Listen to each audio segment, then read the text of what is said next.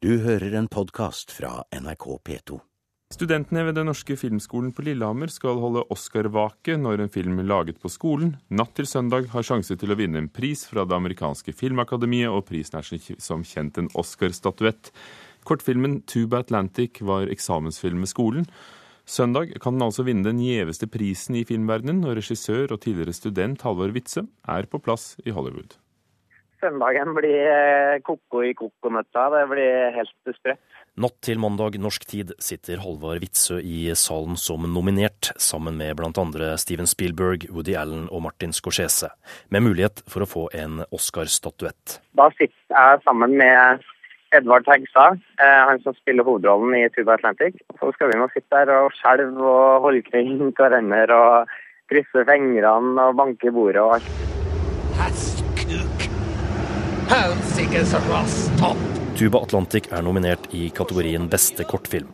Filmen, som altså var eksamensfilm på Den norske filmskolen i 2010, handler om en døende mann på trøndelagskysten som prøver å få kontakt med broren i Amerika ved hjelp av en gigantisk tuba. Filmen ble tildelt Akademiets student-Oscar i juni i fjor, og ble nominert til en ordentlig Oscar i januar, noe som utløste kraftige gledesscener hos Halvard Witzøe. Da bobla det bare over. Hvis vi vinner, så er det jo veldig vanskelig kan jeg tro, da, å holde tilbake noe så stort som det største som har skjedd i livet mitt. Kan du ta en syng? På Den norske filmskolen på Lillehammer. Her gikk Witzøe inn døra første gang i 2007.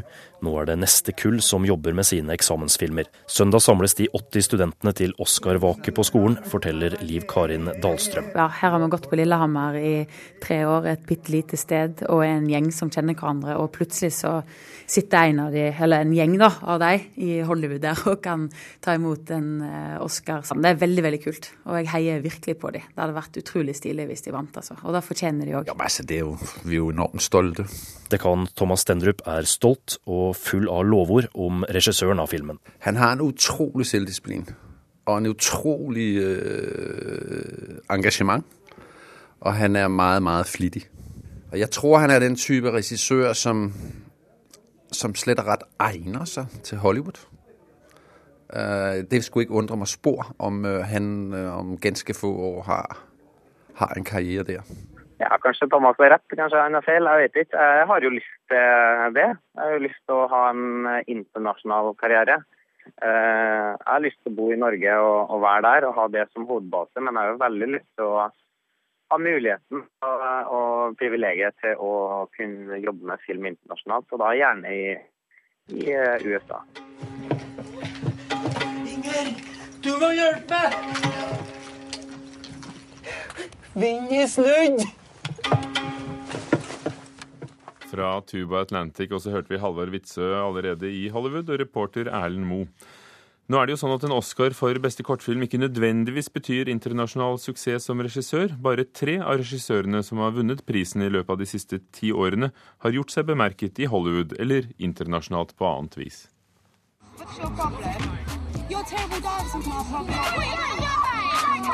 Med filmen 'Fish Tank' har den britiske regissøren Andrea Arnold hatt stor suksess på filmfestivaler og vunnet juryprisen under filmfestivalen i Cannes. Etter at hun vant Oscar for beste kortfilm med filmen 'Wasp' i 2005.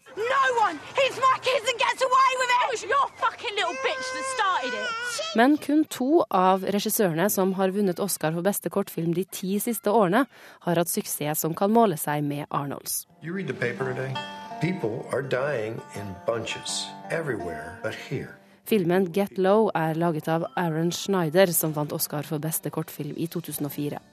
Med skuespillere som Robert Duvall og Bill Murray på rollelisten fikk Get Low mye oppmerksomhet internasjonalt. Schneider er også en prisbelønt film- og TV-fotograf. En annen vinner med suksess er Martin McDonagh, som vant prisen i 2006. Han jobber nå med filmprosjektet Seven Psychopaths, med bl.a. Woody Harrelson og Christopher Walken i hovedrollene. De øvrige vinnerne de ti siste årene har laget film i sine respektive hjemland, som danske Martin Strange Hansen, som vant i 2003. At øh, vinde en Oscar er jo at øh, få et øh, turpass i, i verdens største forlystelsespark, hvor du har fri, fri tur på alle, alle forlystelserne. Så det var kjempestort. og det betød at jeg var ude og få øh, agent i Hollywood og fikk en masse, masse, masse, masse manuskripter tilsendt. Kan du fortelle meg hva du arbeider med akkurat nå, Martin Strange Hansen? Jeg øh, arbeider lige nå på øh, manus på min neste spillefilm, som er en, en dansk spillefilm, en teenage noir.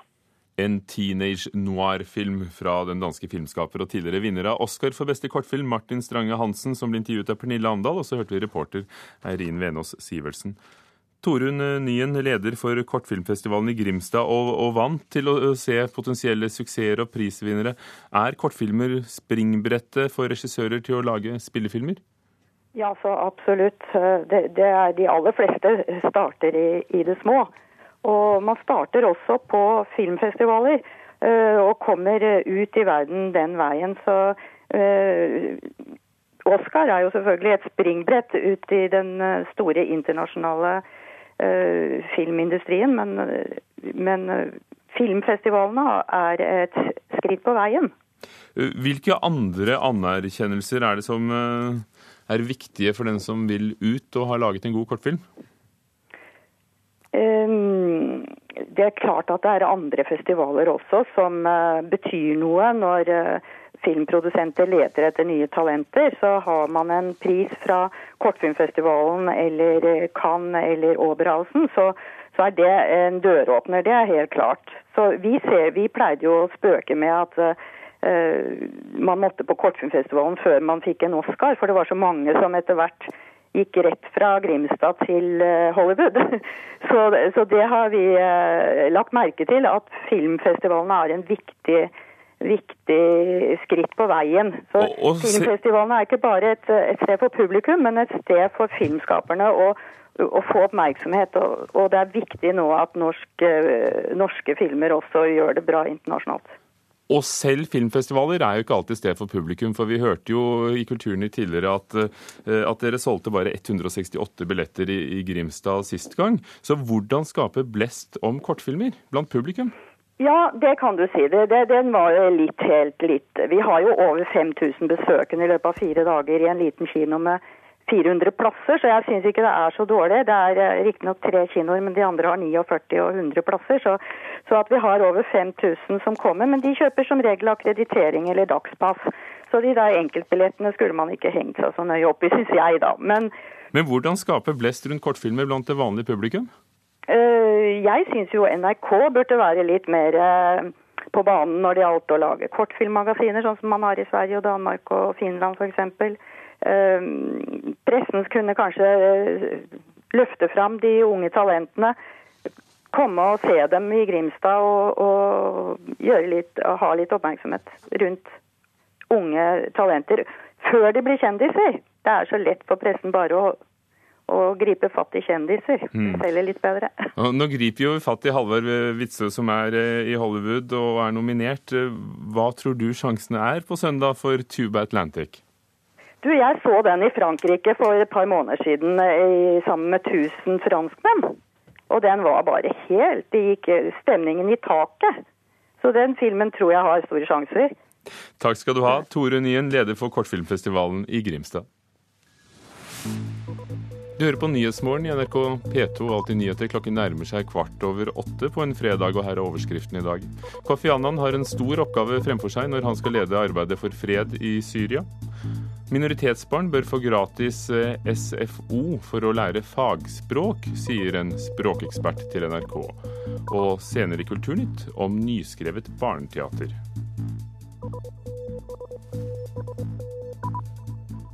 Og jeg føler det på meg. I dag er dagen. I dag blir jeg vunnet. I dag blir jeg funnet. Og i dag får jeg kjøre karusell. mm, det skal vi høre om senere her i Kulturnytt. Men først altså om det som skal skje i USA eh, senere i dag. For støttespillere til den tiltalte Wikileaks-varsleren Bradley Manning mener den amerikanske soldaten fortjener heltestatus. I går kveld ble Manning tiltalt for forræderi etter å ha lekket hemmelige dokumenter til nettstedet Wikileaks. Nå blir han stilt for krigsrett. One, two, one, two, three! Bradley Manning must be free! Free Bradley Manning! Støttespillere av den tiltalte amerikanske soldaten var på plass utenfor gjerdene til det militære rettslokalet i Maryland like utenfor Washington DC. Bradley Manning ble i går kveld formelt tiltalt for å ha hjulpet USAs fiender. Tiltalepunktet om forræderi kan gi den 24 år gamle soldaten fengsel på livstid, dersom han blir funnet skyldig. Det amerikanske forsvaret mener Manning lastet ned flere enn 700 000 sensitive og hemmeligstemplede dokumenter. En av hans støttespillere, Richard D. Oaks, mener Manning er en helt som avslørte det han kaller krigsforbrytelser. If Bradley Manning indeed was responsible for the leaks uh, of information about uh, U.S. troops killing civilians, then he's a hero. Tiltalen mot Manning består av i alt 22 punkter. De mest alvorlige handler altså om forræderi ved å hjelpe fienden, og for tyveri av offentlig eiendom, altså dokumenter og analyser. Forræderi kan bli straffet med døden, men påtalemyndigheten har sagt at den ikke vil kreve dødsstraff, men livstidsfengsel for Manning. Forsvarerne hans mener at den tidligere soldaten hadde store følelsesmessige og atferdsmessige problemer da han tjenestegjorde i Irak, og at hæren aldri skulle gitt ham tilgang til sensitive og klassifiserte dokumenter. Jon Gelius, Washington. Og journalist Kristoffer Rønneberg i Aftenposten, du har jobbet med mye av stoffet som Aftenposten som den første i Norge fikk tilgang til eh, fra Wikileaks. Og hvilke avsløringer er det du vil si at eh, har vært viktigst av det Manning har bidratt til?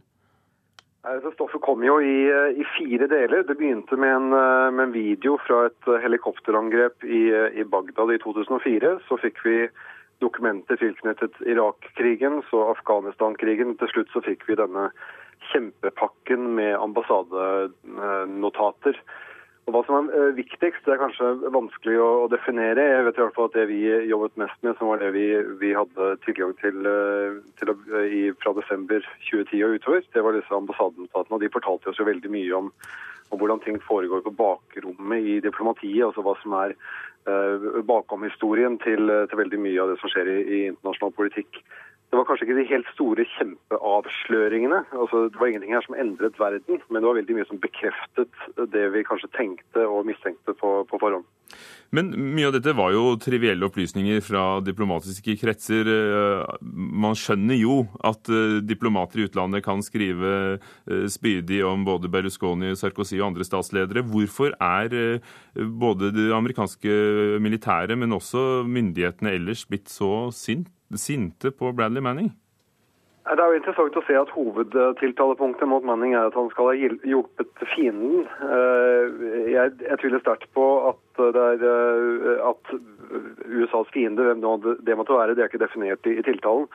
Men jeg tror sannsynligheten er liten for at andre land ikke hadde tilgang på dette stoffet fra før. Det, det, var rundt en million mennesker etter hva jeg har forstått, som hadde tilgang til dette materialet, og at ikke en av dem da var tilknyttet et annet land, det tror jeg det tror jeg ikke noe på. Så Dette er nok aller mest et forsøk på å skremme andre varslere fra å gjøre noe tilsvarende som um, Manning er beskyldt for å ha gjort. At man ikke får slike, slike lekkasjer i, i, fremtiden. Hva vil du si har vært de viktigste lekkasjene? De som har øh, hatt størst betydning, f.eks. Uh, for hvordan vi ser det amerikanske militæret? Jeg tror kanskje at uh, ja, akkurat det du sier. Disse, disse militære notatene som, som kom fram uh, før de store den store ambassadelekkasjen, det, det, er kanskje viktigst fordi det forteller i detalj om hvordan krigen i Afghanistan og Irak har blitt ført.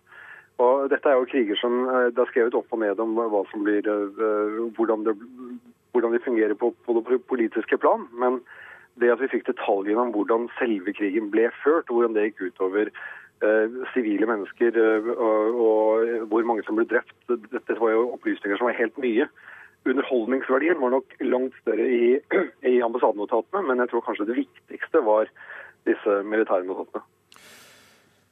Manning risikerer livstid. Hvor mye hold er det i tiltalen mot ham? Du nevnte at dokumentene er det jo mange som hadde tilgang til før også?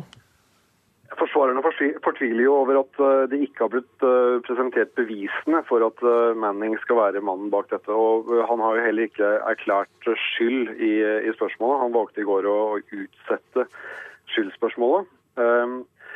Det, det, vi vet, er at en person som utga seg for å være Manning, hadde en lengre uh, dialog på nett med Julian Assange, mannen bak Wikileaks, uh, i tiden før denne lekkasjen skjedde, som var, som var omtrent på dette tidspunktet her i, i, for to år siden.